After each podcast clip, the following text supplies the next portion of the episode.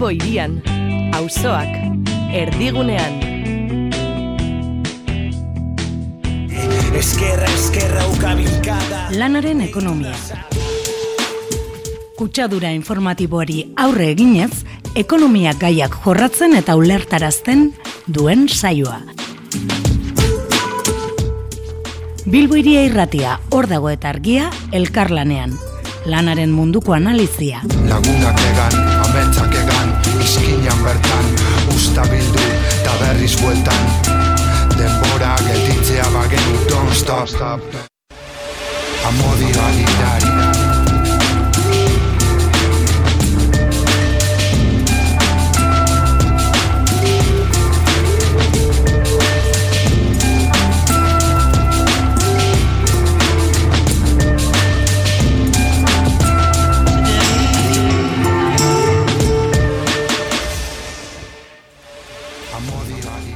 Bueno, bueno, bueno, hemen gaude Bilbo iria irratian berriz ere, e, bi e, eguaztenean behin, goizeko amartarditan, hemen gaude zuzenean Bilboko estudioan, e, gurekin, e, ba, betiko, betiko taldea, e, maitane jaio, kaixo maitane? Kaixo, egunon. Eta baita ere, Inez agirre askoenaga, kaixo Inez? Kaixo, bai, egunon.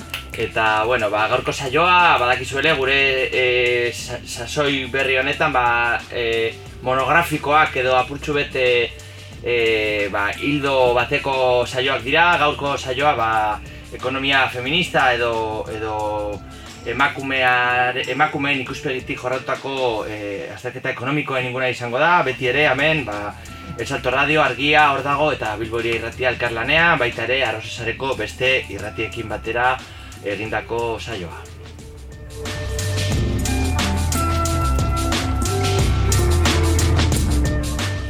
Betiko moduan, hasiko gara saioa sindikal agenda, e, gure e, agenda sindikal eta sozialekin jorrotako deie, deien e, sortarekin, gero e, Inez Agirre Azkuenagak e, ba, azalduko ditu ba, em, txerako egoera sortu, sortzen ari dan emakume migranten e, inguruan, ba, ikuspegik egindako txosten baten arira, gero e, saioarekin aurrera eginez, maitane jaio e, izango da e, islari e, ekonomia feminista edo zelako jorraketa feministak itzen diren e, ekonomia arloan, eta, eta baita ere, eta saioa bukatzeko, betiko les argia atalean, irene begiristain izango dugu, e, beste bueno, kolektibo anitzen arteko txosten baten inguruan baita ere, Europako Next Generation funtsen ba, kritika eko feminista bat eginez.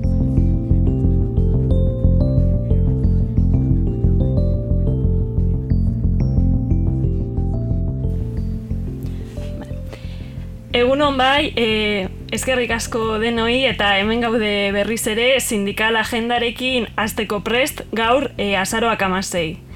E, betiles gogoratzen dizuego, dizuegu badagoela aukera programara audioak bidaltzeko, sei lau lau, lau bederatzi bederatzi, bos bos lau zenbakira, astiroago errepikatuko dut, sei lau lau, lau bederatzi bederatzi, bos bos lau.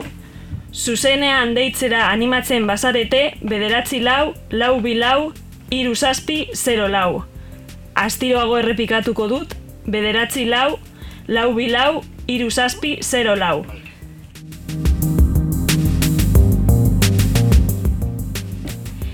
Greban jarraitzen duten e, langileen arira, gogoratzen dizuegu Bizkaiko Nobaltia enpresako langileek greban jarraitzen dutela gaur mila berreun da amairu garren egunez hitzarmen duin baten alde.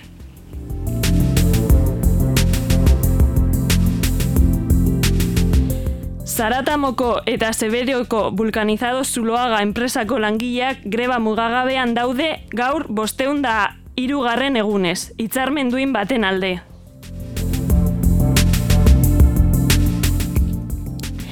Gasteizeko detesako langileek hiru aste daramatzate greban hitzarmenaren alde.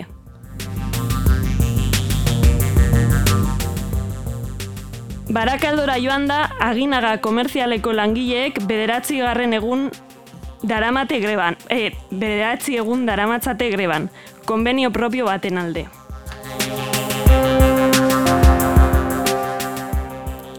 Beste alde batetik, Bilbon grafo taldeko ekoizpenak erabat geldirik jarraitzen du.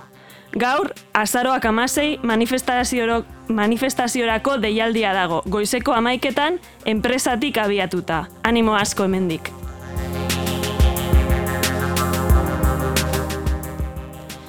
Gaur baita ere, azaroaren amaseian, gazteizen Heraklio Furner enpresako langileek bizikleta martza bat eta elkarraratzea egingo dute provintzia plazan. Amaika terdietan, lan hitzarmenaren defentzan. Hiru aste daramatzate greban.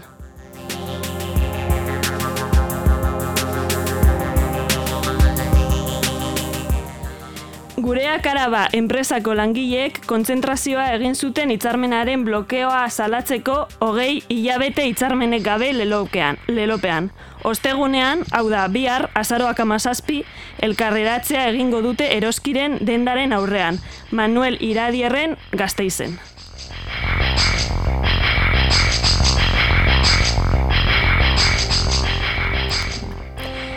Bilboko Zorrozako auzoka zentroan ostiral honetan errezitaldi musikatua egongo da emakumearen aurkako indarkeria salatzeko eta honen inguruan irakurketa batzuk e, egiteko emakumearen aurkako indarkeria eguna laster dela medio.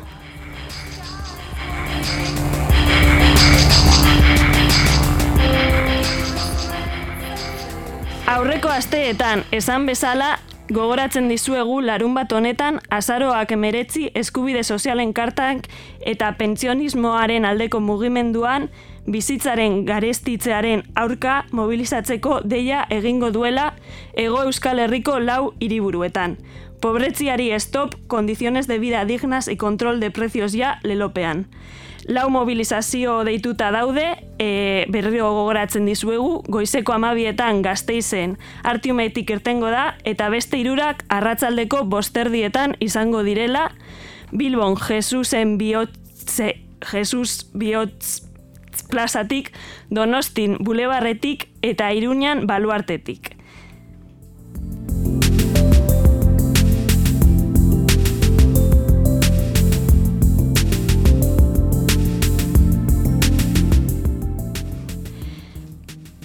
Erabateko jarraipena izan du Bektalia enkarterri eskualdean Bizkaibusek deitutarako grebak eta hurrengo greba eguna azaroaren hogeita batean izango da.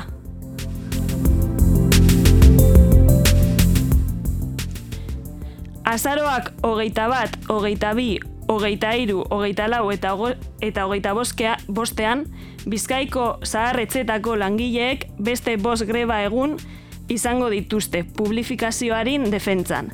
Eskualdeka banatuko dira.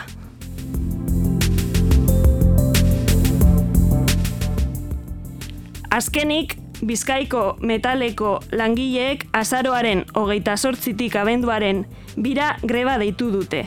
Hitzarmen berririk lortzen ez bada, greban e, diarduten langileek greba mugagabearen aldeko apustua egingo dute.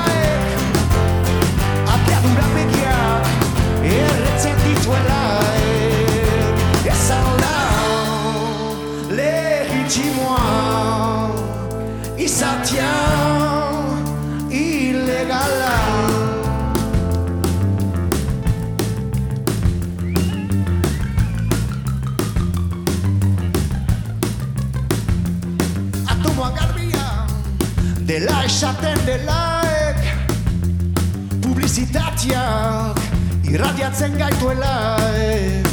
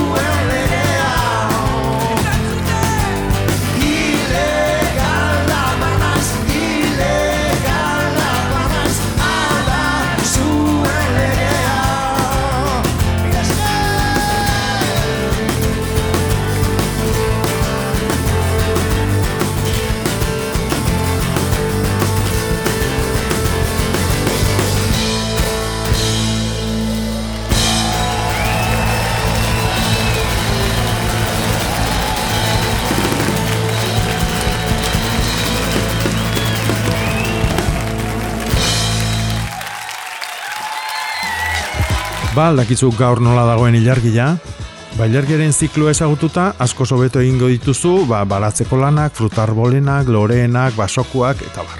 Ilargiaren agenda. Eskuratu amalau euroan 2008ko ilargia eta landareak agenda.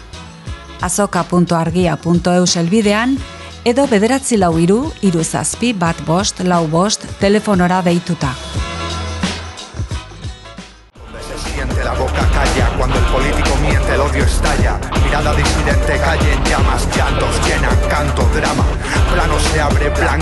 Negro, vieja escuela, no hay progreso. Busca el aire con quien quiere bailar un baile al paso que difiere. Diruak agintzen duen munduan Ez egin kasurik sentimenduei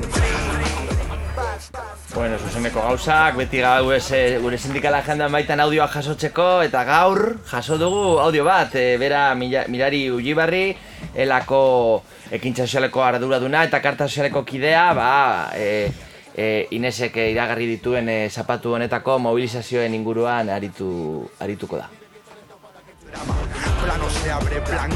Nahikoa da. Borrokatzeko garaia dugu. Pobretzeari stop.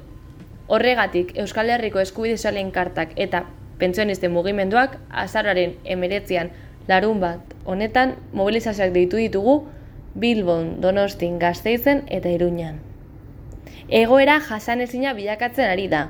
Inflazioak gora egin eta egiturazkoak ziren arazoak askartzarekin batera langileon eta herri sektoreon diru sarrerak eta beharrezkoak ditugun zerbitzu publikoak murrizten ari dira. Langile klasearen pobretze prozesua areagotzen ari da. Honen baitan, Europako Banku Zentralak interes tasa igotzea erabaki du. Madrilen hartutako neurriak epe laburrekoak eta urriak dira. Eta urkullu eta txibiteren gobernuak ez dira erabiltzen ari indarrean dauden eskumenak herritarren bizi baldintzak ziurtatuko dituzten politikak egiteko.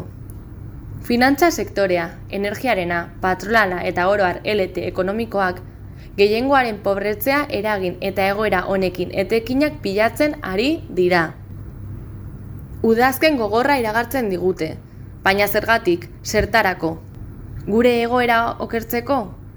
Batzuen aberaztasuna guztion miseria izateko? Ezin dugu onartu. Ez da bidezkoa, ez da jasangarria ere, langile eta herritarrontzat. Horregatik larun bat honetan mobilizazioetara deitu dugun eragilok aldarrikapen taula bat egin dugu. Lehenik eta behin langileon lana duindu.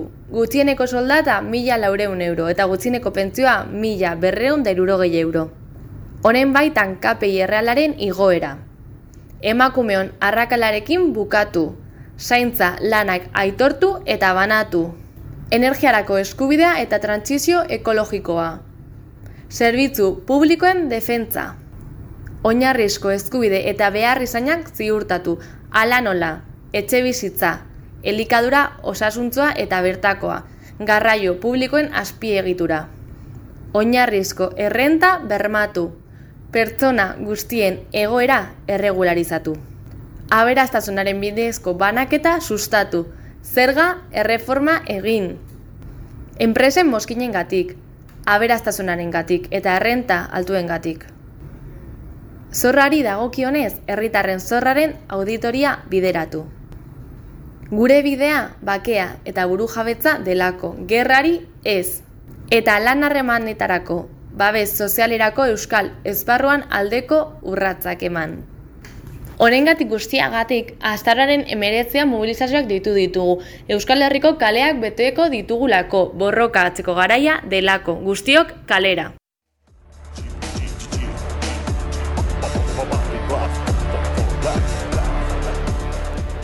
Bueno, bueno, bueno, eta lehen Inesek esan bezala, badakizue horrelako audioak zuen mobilizazio sozial eta sindikalen inguruan, bidali alduzue e, bai whatsappetik, e, bidali alduzue e, audioak, 6 lau lau, lau bederatzi bederatzi, bos, bos, lau, zenbakira, eta gure gaurko lehenengo piezara pasatorretik, e, aurretik entzun dugu ilegala Willis Drummondena eta gaur hemen kafean txokin bekaldean topatu dugu eta eskatu digute e, ba, esatea, badakizue Bilbo iria entzule, entzule e, etorri kafean txokira, amaika tarditan Willis Drummond, bere, Willis Drummond Bayonako taldeak bere zazpigarren diska e, aurkeztuko du eta baita e, abesti berri batzu jo, e, erdu, erdu, erdu ona. Pueblo que flaquea y mentira en su crisis y odio entre la clase obrera.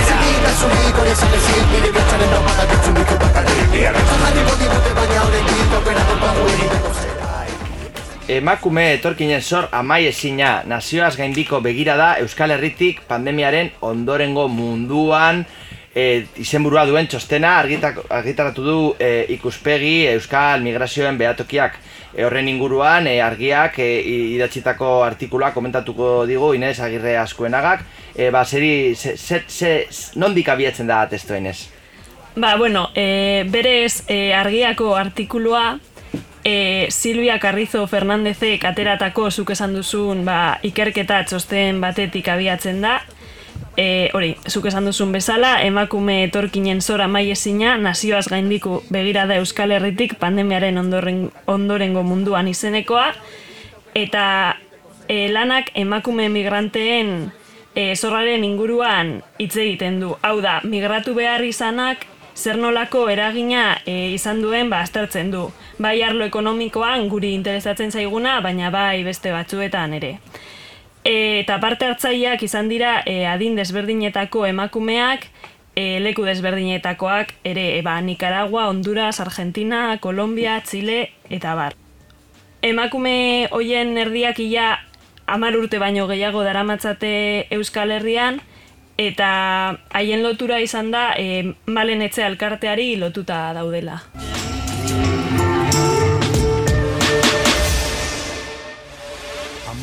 Eta zer kontatu aldi guzu malen etxearen inguruan? Ba, malen etxea e, 2000 eta irugarren urtean sortu zen e, Zumaian eta emakume migratuen eskubideen alde ba, lanean aditu da. Malen hitza emakumea da maputze hizkuntzan Eta beraz, ba hori, ba, ideia zen emakumeentzako etxe bat edo e, egitea. E, emakume migratuentzako topaleko moduan edo sortu zen e, bai elkartzeko eta bizipenak e, partekatzeko. Eta gero hainbat ekimen ere burutu dituzte aldarrikapen desberdinekin, lan esklaboa behin betiko amaitu da den e, aldarrikatuz, e, eta emakume etorkin bat asteko zazpiegunetan hogeita lau orduz lanerako prest eta enplegatzailearen zerbitzura egon beharra e, errotik mosteko helburuarekin. Berez, kontuan izan behar da, e, ba, demanda handia dagoela edo zaintza lanak egiteko orduan, batez ere e, Euskal Herrian ez dagoelako zaintzarako estrategia integral bat garaturik, eta kontuan izan behar delako, bakarrik bizi diren e, pertsonetatik euneko berregeita iruak zaintza behar duela eta hori ez dagoela e, batere kudeatuta. Hortik abiatuta, horrek kriston demanda eta baldintza batzuk e, ditu. Eta behatokiak argitaratutako ikerketari dagokio, bai. dagokionez, e, zeintzuk dira bere ondorio nagusiak? Ondorio nagusi bezala, e, adinak hemen daramatzaten urteek egoera administratiboak, prestakuntza mailak, e, jatorrizko herrialdeak eta larrua zararen koloreak eragina duela emakumez, e, emakume langile etorkinek biziraupen dinamikak biodefinitzeko orduan. Bai maila pertsonalean eta bai maila kolektiboan. Gehienak e, esaten dute, bueno, gehienek ez denek, parkatu e, beste erremediorik gabeko erabakia izan zela alabearrez e, hautatu behar izan zu, e, zutela, hau da, egoera sozionomikiko kaskarrak, indarkeriak eta bar migratu behar izatera edo. Behartuta daudela eta horrek zor eta sama bat suposatzen duela behar bada guk e, egunerakotasunean ikusten ez duguna.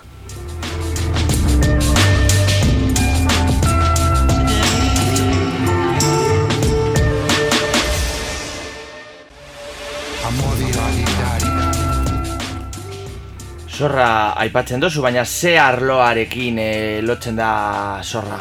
Bai, e, hori da ere komentatu nahi nuena, e, txostenaren egileak, hau da, Silvia Carrizo Fernandezek, zorraren e, kontzeptua zabaldu nahi izan du, e, esplizituki, ba, esan bezala, e, emakume emigratzaileak emigratu behar izateagatik daramaten sama edo ondorio bezala e, definitzen du kontzeptu hau Eta berez, kontzeptu hau ez da migratu ondoren hasten baizik eta migratu aurretik hasten dela dio, sorpetuta bai daude bai e, errentagarritasunagatik sortutakoa bai bidaiatzeko behar izan duten kredituen ondorioz.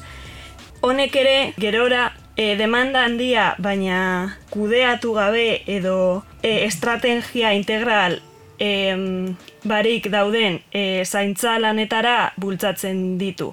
Eta kontuan izan behar da ere hor badagoela genero e, parametroetan, ze azkenean zaintza lana e, beti egonda figura femeninoei edo e, lotuta. Eta kontuan izan behar da, ba, ego euskal herrian, berreunda irurogeita iru mila pertsona bakarrik bizi direla, handik euneko berrogeita irua e, irurogeita bost e, urtetik gora, eta estimatzen da, e, irurogeita mazazpi mila pertsona baino gehiagok eguneroko zaintzak behar dituztela. Honek ere, etxe bizitza arloarekin ere zerikusi handia du. Ze adibidez, ikerketa honetako emakumeen eguneko berrogeita amabostak logela bat baino ez du bere eguneroko bizitza egiteko. Eta esaten dute, e, uste dut zileko emakume batek esaten zuela, e, gauza asko e, sakrifikatu arren soldatek ez dietela usten etxe propio bat izateko. Gainera, parte hartzaile erdiak baino gehiago, irabazitakoa ere sorterrira egin beharreko diru bidalketai, bidalketari eusteko ematen diola. Beraz, eragin horrek e, bizitzako arlo desberdinei eragiten die.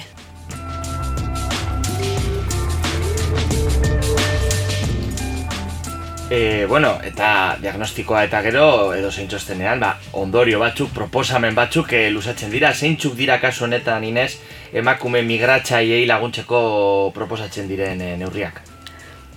Bueno, ba, artikulotik e, abiatuta ere, behar bada arazo hauek identifikatzerako orduan edo kontuan izatea hor ere badagoela, ze askotan igual ez dugu ikusten edo ez dakigu ikusten edo ez dugu kontuan hartzen.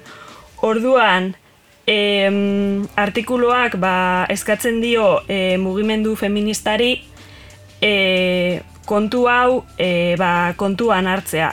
Eta, bueno, e, mugimendu feministak ere barneko lana desagarrarazteko eta zaintza lanak e, kudeatzeko e, lentasuna e, izan behar duela agenda feministan. Egia da, horri buruzko lanketa edo egin dela, baina beti dago ondo gogora daztea eta dinamika hau ulertzea.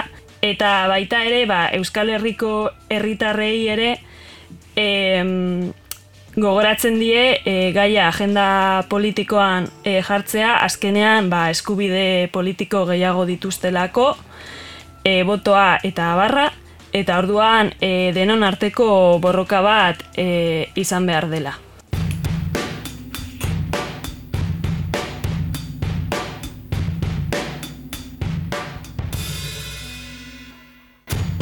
Ongizatearen gizatearen ikusia zuen telebistan Bertan ezin zuen numea Ustezko paradisu zurian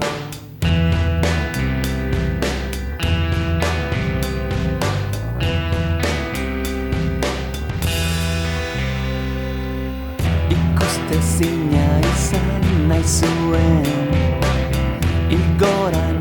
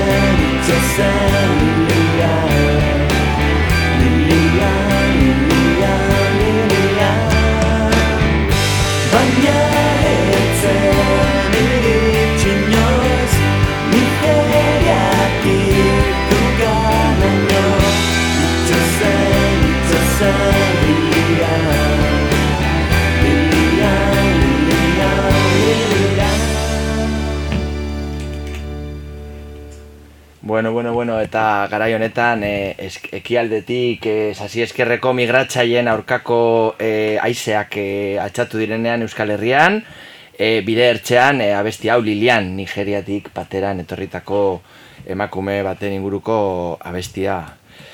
Eta gure egungo gaiari eltzen jarraitzeko, e, orain ba, maitanek e, e, ekonomia feministaren inguruko, ba, osnarketatxo bat engo, engo diguzu, batez be e, urteak eta urteak daraman ekonomia feministaren garapen horretan ba, adar desberdina sortu direla, ez? Eta nola ez, ba, baita feminismoan orokorrean gertatu den bezala, ekonomia feministan ba, adar desberdinak edo ikuspegi desberdinak daude, ez? Ba, integraziotik e, integratzaileagoak direnetatik apurtzaileagoak direnen erarte, ezta? Bai, hori da. Bai, eta lehenik eta behin, ba, bueno, aipatu beharra dago, e, naiz eta, ba, bueno, ba, adar desberdinak ego, batzuk e, apurtzaileagoak, besteak integratzaileagoak, denek, gutxienez bi elementu e, partekatzen dutela, bai. Lehenengoa da, giza hornikuntza prozesu guztiak barneratzen direla. Hau da, bai, merkatuaren baitakoak, bai, kanpokoak. Bai, hau da, hor gabeko lana ere kontuan hartzen dela. Beraz, ekonomiaren kontzeptu zabalago bat e, hartzen da, eta gero bigarren elementua denek e, biltzen da bena da, genero harremanak sistema sozioekonomikoaren muinean sartzen dituela. Bai, esan dugun bezala, ikuspegi guztietan ematen dau, eta gero e, apurtzaileagoa edo integratzaileagoa izango da, abia puntua andozentrikoarekin egiten duen austuraren intentsitatearen araberakoa. Orduan, nik aipatuko da, hemen bi, ekonomia feminista integratzailea eta apurtzailea. Bueno, lehenengoa, integratzailea, feminismoaren kontzeptuak, merkatuaren e, funtzionamentuaren baitan e, sartzen ditu, ba, inolako ba, merkatuarekiko ba, usnarketa edo kritika egin gabe. Aldiz, e, apurtzaileak, bai egiten da ekonomiaren hausnarketa bat eta hausnarketa sakon bat eta alde, aldaketa sakonagoak e, eskatzen ditu. Eta askotan, ba, bueno, apurketa kontzeptual, metodologik, metodologiko eta politikoak ere eskatzen ditu. Bueno, jarraituta, ekonomia feminista apurtzaileak zer dioen, E, lehenik eta behin, esan behar dugu, gizon eta emakumearen arteko kate, kategoriak e, apurtu egiten dauela, ez? Eta planteatzen daue bai, ba, feminitate eta maskulinitatearen berrera iketa bat. Be bai, azterketa egiten dau, nola egitura sexuatu diferentziatu hauek zelan eragiten duten esparru ezberdinetan eta instituzioetan, eta eta noski baietzere ez, ba, zelan baldintzatzen dauen pertsona. Gero, beste puntu garrantzitsu bat da, lan ordaindu eta ez ordainduaren arteko banaketa hau esabatu egin nahi dabela, edo esabatzen dabela, ez dagoela ikusten diferentziarik, e, horrekin, e, bueno, lan mundu ordaindua eta zaintza lanen inguruko lanak, e, maia berean mantentze e, jartzen ditu, eta, ba, bueno, e, zaintza lanak, ba, beharrezkotzat e, aipatzen dira, ba, bueno, ba, bizitzaren e, mantentzea e, albideratu izateko, bai? Eta, eta bueno, hori dela eta, ba, bueno, e, bai, ba, bueno, ikusten da nola ba, gaur egungo gizartean, zaintza lan hauek geroz eta feminizazio handi, maila handiago badaukaten, eta ba, merkantalizazio prozesuak ere ematen direla bere baitan, bai? Orduan, esan dugun bezala, azkenean e, planteatzen dena da, gizakien lana prozesu ekosistemiko zabalago baten baitan, eta horren baitan ere ematen da, ba, bueno, kapitala eta bizitzaren arteko konfrontazioa edo txokea, ez?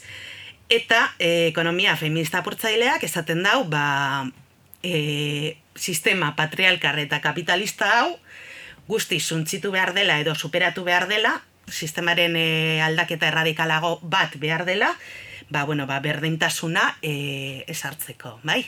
Ez da aski e, gaur egungo ekonomian edo merkatu, merkatuaren baitan e, ezartzea ba, feminismoaren kontzeptu eta edukiak.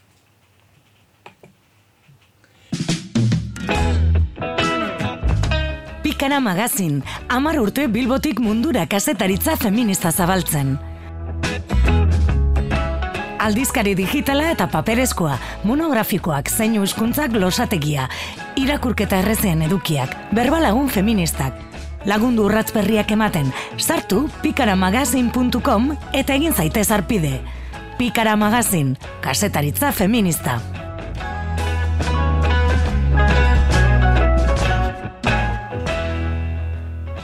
Ondo maitan eta orduan e, ekonomia feministaren e, azalpenekin jarraitzeko diozu patriarkatuak lanaren banaketa sexuala eragiten duela, ez? Bai, hori da, bai. Banaketa guzti sexuala egiten du eta banaketa lanaren banaketa eta lanaren balioaren banaketa dekin lotuta, hain zuzen ere, bai. Eta lan maskulinizatuen kasuan, ba, zenbat eta balio ekonomiko handiagoa daukaten hauek, hau da, ba, bueno, soldata e, altuagoa izan, kasu hauetan, ba, onarpen soziala e, altuagoa izaten da, bai? Gizonentzako aldiz, ba, lan feminizatuen kasuetan onarpen soziala handiagoa izaten da lan horien ba, balio ekonomikoa txikiagoa den neurrian, maiz, azkenean, ba, bueno, feminizaturiko e, lanei, ba, tamales e, balio ekonomiko txikiagoa ematen dio gizarteak, bai, eta hau, ba, bueno, azkenean dago lotuta ere, ba, bueno, feminitatearen parametroak edo esaten direla, edo esaten ziren zela, ba, zenbat eh, gehiago baloratzen zela, ba, egiten zena, ba, ba, bueno, ba, zenbat eta doainikago egiten den, ez? Ba, maitasunagatik edo. Eta azkenean, ba, bueno, ba, esan dugun bezala, ba, banaketa bat, ematen da, eta orduan, ba, bizitza mantentzeko ardura, ba, geroz eta gehiago privatizatu egiten da, edo feminizatu, bai. Eta askotan privatizatu eta feminizatu, eta lan horiek, edo pertsona horiek lan hori egiten ditun, dutenak, e, benpekotasun egoera batean aurkitzen direla ere esan behar dugu, eta askonea askotan ba e, ikusezinak direla bai. Asko lan hauek egiten dutenak ba Inese komentatu duen bezala pertsona emigratuak dira edo ba bueno ba egoera prekariorenetan e, egote e, dauden e, gizarteko ba emakumeak.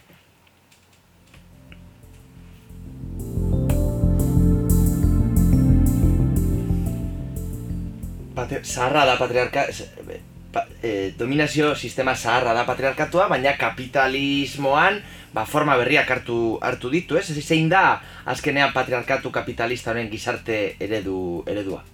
Bai, paradogikoa dena e, denarren, ba eskuntzan, ez? Azkenean emakumeak gizonezkoak baino eskuntza maila hobeagoa izan arren, gero, lan merkatuan, ba bueno, gizonezkoak dira lan oberenak e, egiten dituztenak, hor dago ere e, soldata arrakalaren kontua, eta gero, beste alde batetik ere, ba, gizonezkoak e, jardunaldi osoak egiten dituzte, eta emakumeak ba, jardunaldu, jardunaldi murriztuak askoz gehiago egiten dute, eta ba, bueno, askotan igual bizitzako urte denetan ere.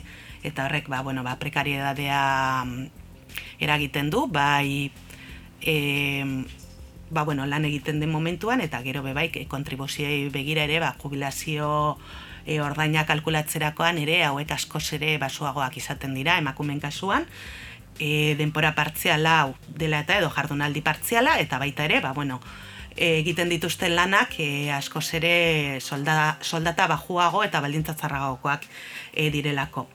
Honez gain ere, bori, patriarkatu kapitalistak familia egitura ere, e, familia egituaren laketa batera ere eraman du gaur egungo gizartea, e, azteko ba, emakumeak e, lan merkatura e, ateratzen ari dira masiboki, geroz eta gutxi, gutxiago dira, ba, bueno, etzeko andre lanbidean jarraitzen da benak, e, ugalkortasun tasak gero eta txikiagoa dira, eta bueno, ba, zer esango dugu hemen e, Euskal Herrian, ba, munduko ugalkortasun tasa txikiena daukagun herrietako bat garenean, ez? Eta baita ere bestalde batetik ere familia ereduak ere diversifikatzen ari dira. geroz eta dibertzio gehiago daude, em, eskontza gutxiago, esk, eskondu gabekoen unitateak sortzen ari dira, e, unitate monoparentalak ere, e, pertsona bakarreko ez etxe, bizitza gehiago, eta, bueno, horre, hainbat, e, beste hainbat e, kasu ere e, kontuan hartu behar, beharko genituzke. Eta ja bukatzeko, orduan, ekonomia feministak eitzen duen ba, e, analisi, ekonomia kapitalistaren analisi antipatriarkal bat, edo lamaraketa sesistatik abiatuta, baina e, jatorrizko ekonomia feministatik, ba, gerota garatutagoa eta osoagoa da ikuspegi ekonomia ekonomiko integral antikapitalista bat osatu dute, eta e, garaian mugimendu sozialistan izan dan bezala lana eta kapitalaren arteko gatazka, ba, ekonomia feministak ba, bizitza eta kapitalaren arteko gatazka du bere e, borroka markoaren muinean, ezta? Bai, hori da ez, azkenean bere borrokan dauka muina edo da kapitala eta bizitzaren arteko gatazka, eta horri esker ere, ba, bueno, gizartean, edo gizartean, ba, bueno, edapen handia dauka gatazka honen onarpenak, ez? Eta, bueno, oniri jarraituta ere gogoratu beharra daukagu edo, bazkenean e, bizitzarako egiten diren lan desberdinek, ba, langileen edo, bueno, gizarte, gizarte edo familia edo familiaren ba, bizi maila definitzen dutela, bai? Ez bakarrik e, soldatapeko lanak, hauek, erosmen, eros aukera ematen digutelako, baina, e, kobratzen ez diren lanek ere, ba, bueno, ba, azkenean e, bizi maila ere definitzen dute. Ze, bueno, e, ez balire egongo lan hauek, ba, merkatuan erosi beharko balitz, ba, askoz ere, ba, bueno, askoz ere garestiago irtengo litzaiguke. Eta guztia, ba, guztia apur bat hemen gertatzen kapitala eta bizitzaren artean gertatzen den tentsio guztia apur bat baratzeko ere ongizatearen estatua e, sortu zen, ez? Eta, eta bueno, hau ere kontuan izan beharreko kontua da, ba, ongizatearen estatuaren bitartez, kapitala eta bizitzaren arte, arteko tentsio hau izilarazten ba, saiatzen direla gobernu dut ezberdinak. Gero, ba, bueno, amaitzeko, gero esan beharra dago ere, feminismoaren helburu eta lan hildo handietako bat da e, lan merkatuaren erregulazioarena bai? eta hain zuzen ere emakumeen lan merkatuaren erregulazioa rena.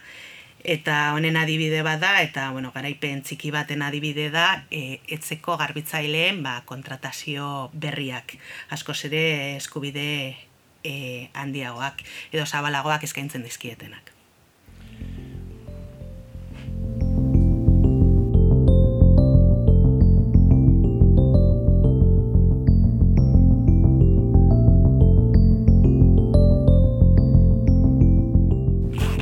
Bueno, sondo, ba, bakarrik gogoratzea, ba, ekonomia feministan sakontzeko, badagoela hainbesteten beste azterketa, liburu eta eta txosten eskura, eskuragarri, besteak beste Amaia, Amaia Orozko, que su versión feminista de la economía, aportes para un debate sobre el conflicto capital-vida, 2008an traficantes de sueños argitaletxeak argitaratuta, eta interneten eskuragai dauena, baita Maria Pazos, katakrak, iruñeko e, argitaletxearekin kontra el patriarcado, economía feminista para una sociedad justa y sostenible, eta bueno, ba, e, berriagoa edo iaz, e, Astrid Ajenjo, Sevillarrak, ekonomia politika feminista, sostenibilidad de la vida, ekonomia mundial badira hiru adibide, baina bueno, beste asko daude, eta ba, entzule gonbitatzea, ba, ekonomia feministan e, hausnarketa eta borroketan e, e, sartzeko.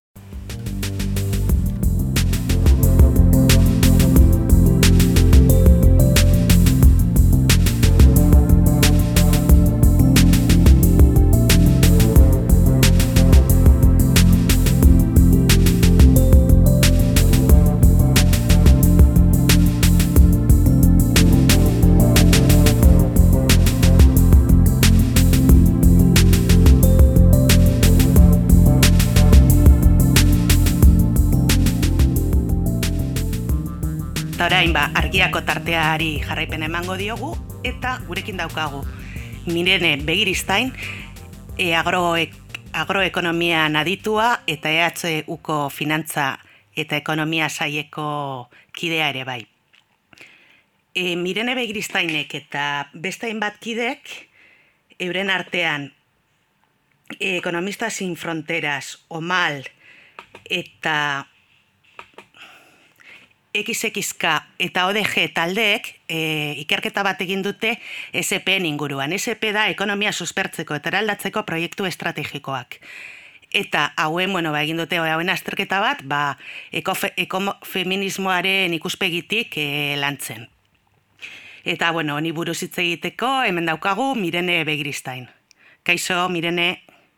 Kaixo, kaixo, egunon. Bai, bueno, esan dudan bezala lehen, XXKak, ODG, OMAL eta Ekonomista Sin Frontera Sin Fronterasek ikertu duzu ekonomia suspertzeko eta eraldatzeko proiektu estrategikoetatik, SPak, bost. Hain zuzen ere, osasun, energia, nekarazaritzako elikagaiak, kura eta zaintza arloak. Ta, bueno, ondorio estatu duzue, ez direla jaso eskubideen aitortza, eta, ba, bueno, helburua dala azkenean, ba, irabazi handiak handiagoak lortzeko ba erraminta bezala. Bai, e, konta iguzu apur bat oneri buruz.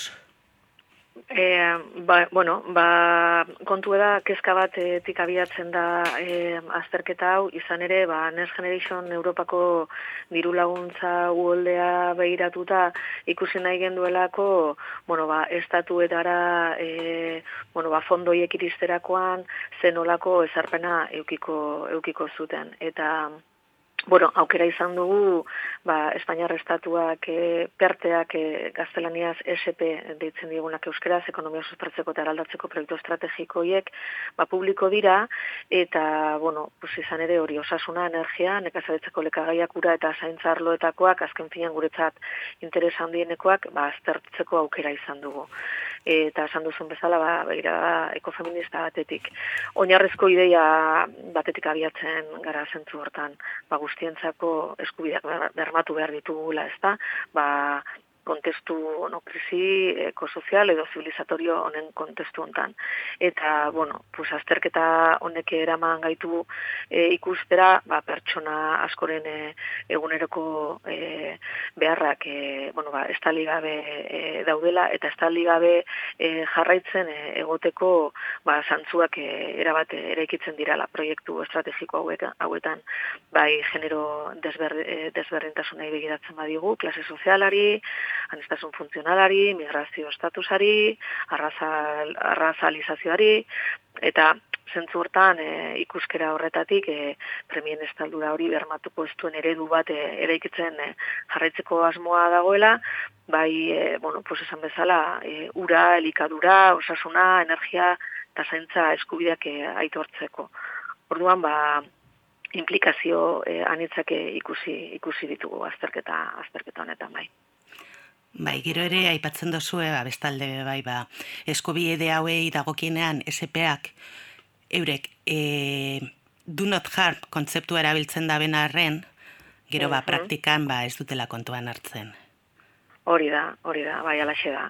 Bai, e, do no significant harm edo printzipio hori ez, hau da, e, kalte esanguratzurik ez eragitea. Ja, abia puntua, nahiko e, makala da, ez da, baina e, guztiek hitz egiten dute ba, gizarte ingurumena aukerez, gizarte berrikuntza eta demokratizazioaren beharraz, eta aipatzen da printzipio hau.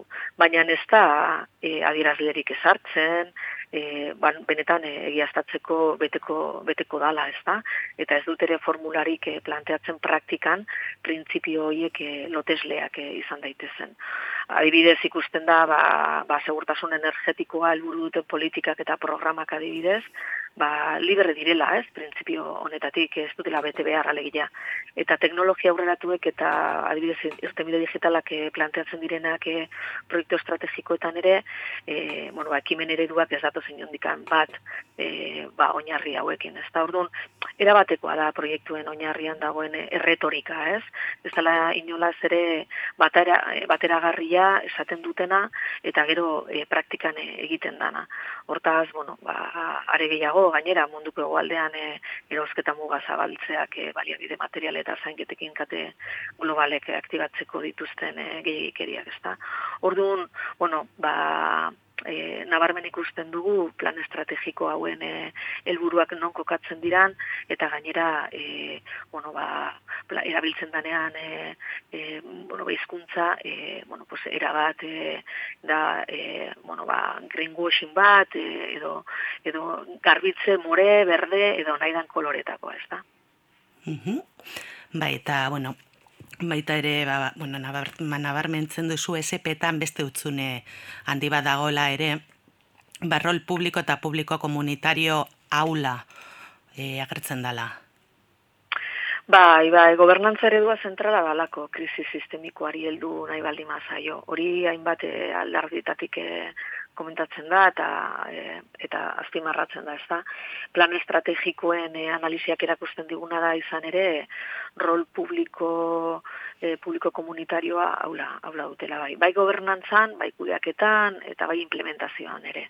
Eta gehiago oinarritzen direla lankidetza publiko-pribatuan. Aliantza gaina espreski e, agertzen dira e, plan estrategiko desberdinetan, elikadurarena, uranean, energiarenean, eta diru publikoa azken finean eremu pribatura leku aldatze bat proposamen oso osorik e, ikusten da zentzu hortan, ez? Merkantilizatzea, e, baino ez dala. Orduan atzean uzten ditu benetan ba, tokiko eskalako eta hurbileko eta lurraldeari lotutako errealitateak eta hor e, demokratikoki, ez? E, ba, ba, ba, bueno, ba, erabakiguneak eh, irekitze aliza, ireki alizatea, jakinda ekimen eh, horiek ba, gizarte mugimenduei eta eta eta pertsonei eh, atxiki, atxikitzeko aukera emango lukela, ez? Eta horren bizkar bizkarretik eraikitzen eraikitzen dira erabakiguneak eta ikusten ari gara, ez? Ateratzen ari diran e, diru deialdi publikoak norentzako bideratuta dauden eta zenolako trikimailu e, incluso e, bueno, ba, burokratikoak eta eta papeleoari begira, ez, epeak eta eta hizkuntzak eh, norentzako eraikitzen dira, ez? Orduan zentzu hortan, ba, bestelako esparru publiko publiko komunitarioak e, oso oso margenetan geratzen dira eta eta gero praktikara eta implementaziora ba ezer gutxi eramateko aukera ematen dute. Mhm. Eta, bueno, amaitzen joateko, Bai. e, SP kapitala bizitza gatezka areagotzen duten dinamikak mantan, mantentzen dituztela ondorioztatzen duzu, ez? Eta Bai. laburbiltzen duzu e, bos gakotan. E, azalal, azalaldi guzku gako hauek zertan datzan. Bai, bueno, parte hartu dugun e, kolektibo guztiak, ez, eta kideko feministak e, guretzako garrantzitsua zan, azterketa egiteaz gain, ba, begirada propositibo bat e, edo gakoak e, mai gaineratzea. Eta zentzu hortan, ikuspegieko feminista batetik, ez dauden e, bos gako azpimarratu ditugu, bai.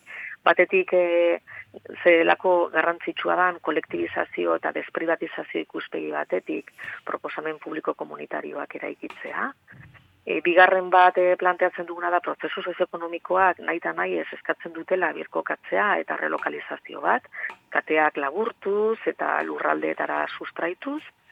Hirugarren gako bat, e, ba, ekodependentziaren ikuspegitik ere, ba, planetaren mugaketara egokitzea, eta zentzu horretan, ba, munduko privilegio eta desberdintasunak e, zuzentzea, gaur egun ematen diran espoliazioak e, e, ba, zentralak e, direla e, hoiek e, e, eraldatzea. Laugarren bat, e, funtsezko lanak berrantolatzea, zaintza krisiari begira zeintzu hortan, eta haien balioa ondituz, eta lan kaltegarriak eta beharrezkoak ez direnak e, murriztuz. Eta bosgarren gako bat, e, demokratizazioa eta elkar zaintzea. Ba, orain ere komentatzen ari ginen zentzu horretan, eta hau izatea ba, logika sozioekonomiko berri baten, e, eraldatzaile baten e, ardatz hartuta. Ez? Dagako horietatik abiatuta ikusten dugu transizioko feministek bide luze auki dezaketela egiteko, eta SPak e, ba, kezkatik eta behar izanetik, ez, e, replanteatu behar behar dela, bestela atzera pauso bat e, izango direlako urrengo urteetan. Eta bosgako hauek e, irutzen zaizkigu, ba nola baite jasotzen dutela, ba, hausnarketako feminista batetik, ba, proiektu estrategiko hauek eraldatzeko, eraldatzeko bidea. Mhm. Ados, e, bueno, mi esker e, miren begirista gurekin parte hartzearen eta gurekin partekatzearen zuen e, ikerketa. Zuei, zuei mi esker, eta, bueno, akaso esatea, urrengo aia astelenean, e, bueno, ba, orkezpen bat izango dugu Bilbon e, honen inguruan, eta donola omalen eta odeien e, paginetan e, bueno, eskuragarri daudela azterketa hauek e, hizkuntza desberdinetan, eta eta bueno, beti, beti ez da eta osartzeko prest. Ados, han, izango gara. Ezkerrak asko. esker. Aio.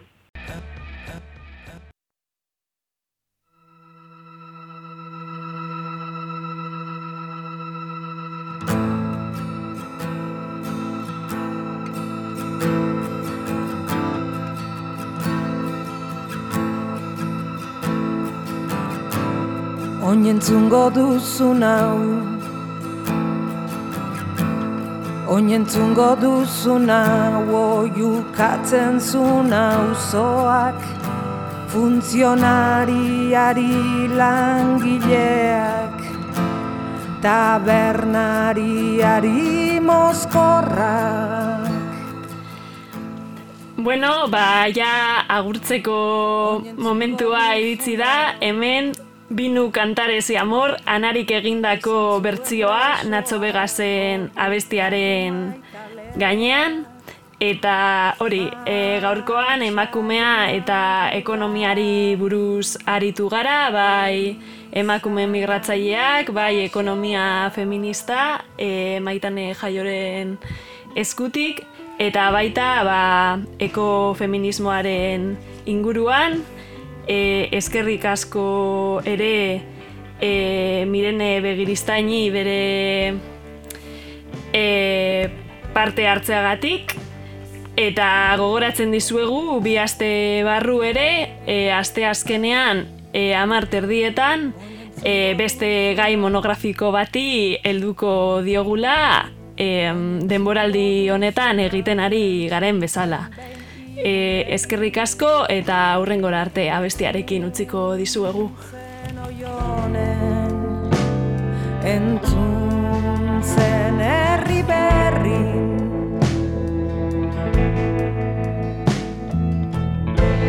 Ta gertatze arzena